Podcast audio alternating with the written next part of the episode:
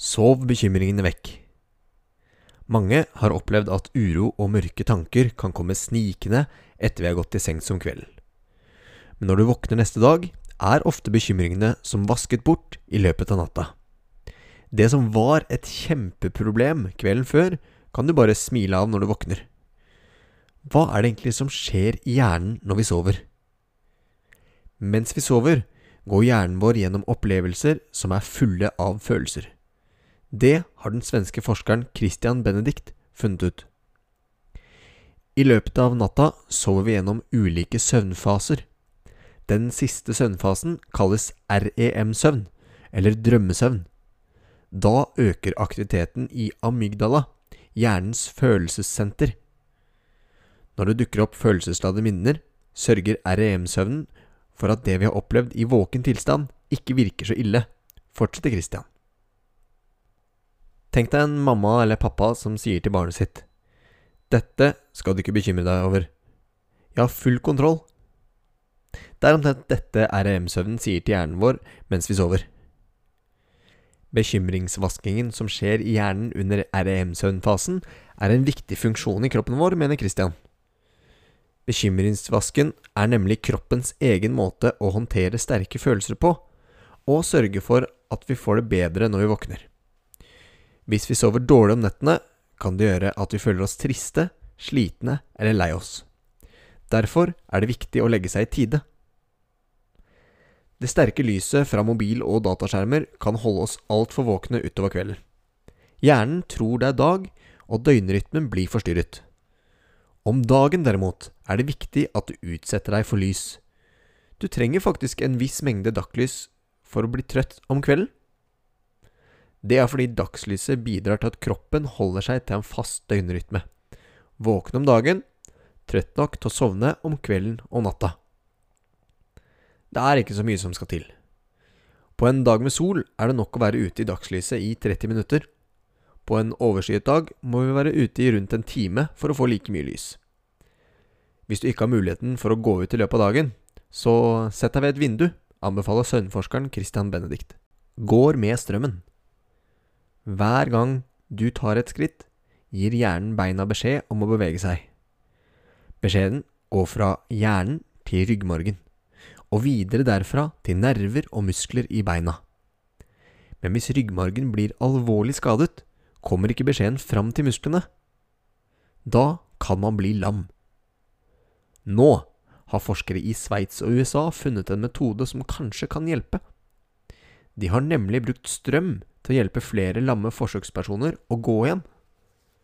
Alle forsøkspersonene hadde skader i ryggmargen. Skadene gjorde at signalene fra hjernen ble veldig svake nedenfor skadestedet. Altfor svake til å få beina til å bevege seg. Forsøkspersonene fikk operert inn flere ledninger i ryggmargen.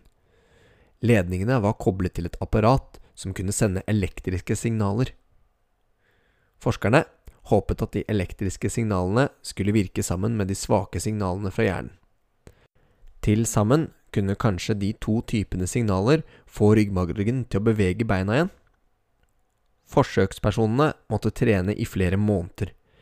De måtte lære seg å få hjernen til å spille på lag med de elektriske signalene. De måtte rett og slett lære seg å gå igjen. Det var ikke lett. Forsøkspersonene trengte hjelp av dyktige trenere og de måtte støtte seg til krykker eller gåstoler. Men til slutt klarte flere av dem å gå. Noen av dem gikk over én kilometer. Forskerne vet fortsatt ikke nøyaktig hvorfor strømmen virker slik som den gjør. Nå vil de forske videre på hvilke signaler som fungerer best, slik at de kan finne ut hvordan de kan hjelpe flest mulig tilbake på beina igjen. Og reflektere over det man leser. Det kan være spennende å rase gjennom en fortelling for å finne ut hvordan den ender.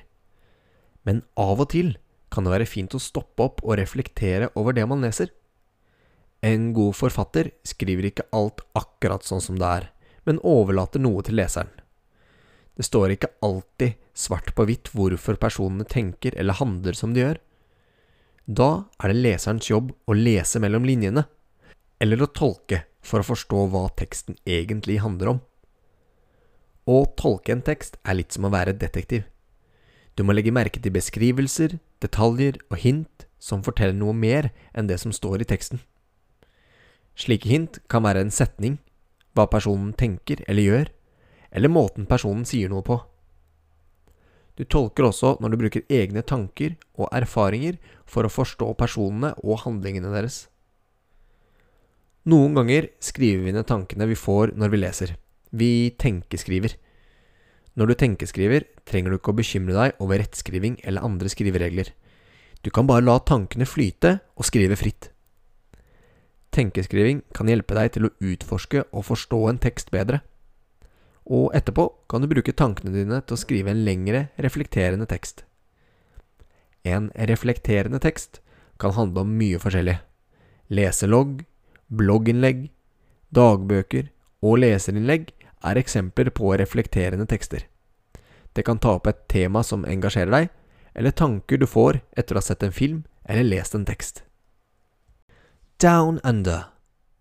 Look at the globe, and you'll easily find Australia, the land on the other side of the planet, down under. Australia is home to unique animals, stunning beaches, and diverse landscapes. Did you know? Australia is officially called the Commonwealth of Australia. It's the sixth largest country in the world. Australia is 7,692,024 square kilometers. This is 20 times bigger than Norway. Although it's a huge country, only 24 million people live in Australia. The capital of Australia is Canberra. It is also the only major Australian city that is not on the coast. One of the national symbols is a tree called the Golden Wattle. Famous landmarks. Sydney Opera House in the New South Wales, Uluru in the Northern Territory, the Great Barrier Reef in Queensland, the Pinnacles in Western Australia, Adelaide Oval Stadium in South Australia, the Twelve Apostles in Victoria, Port Arthur Convict Site in Tasmania,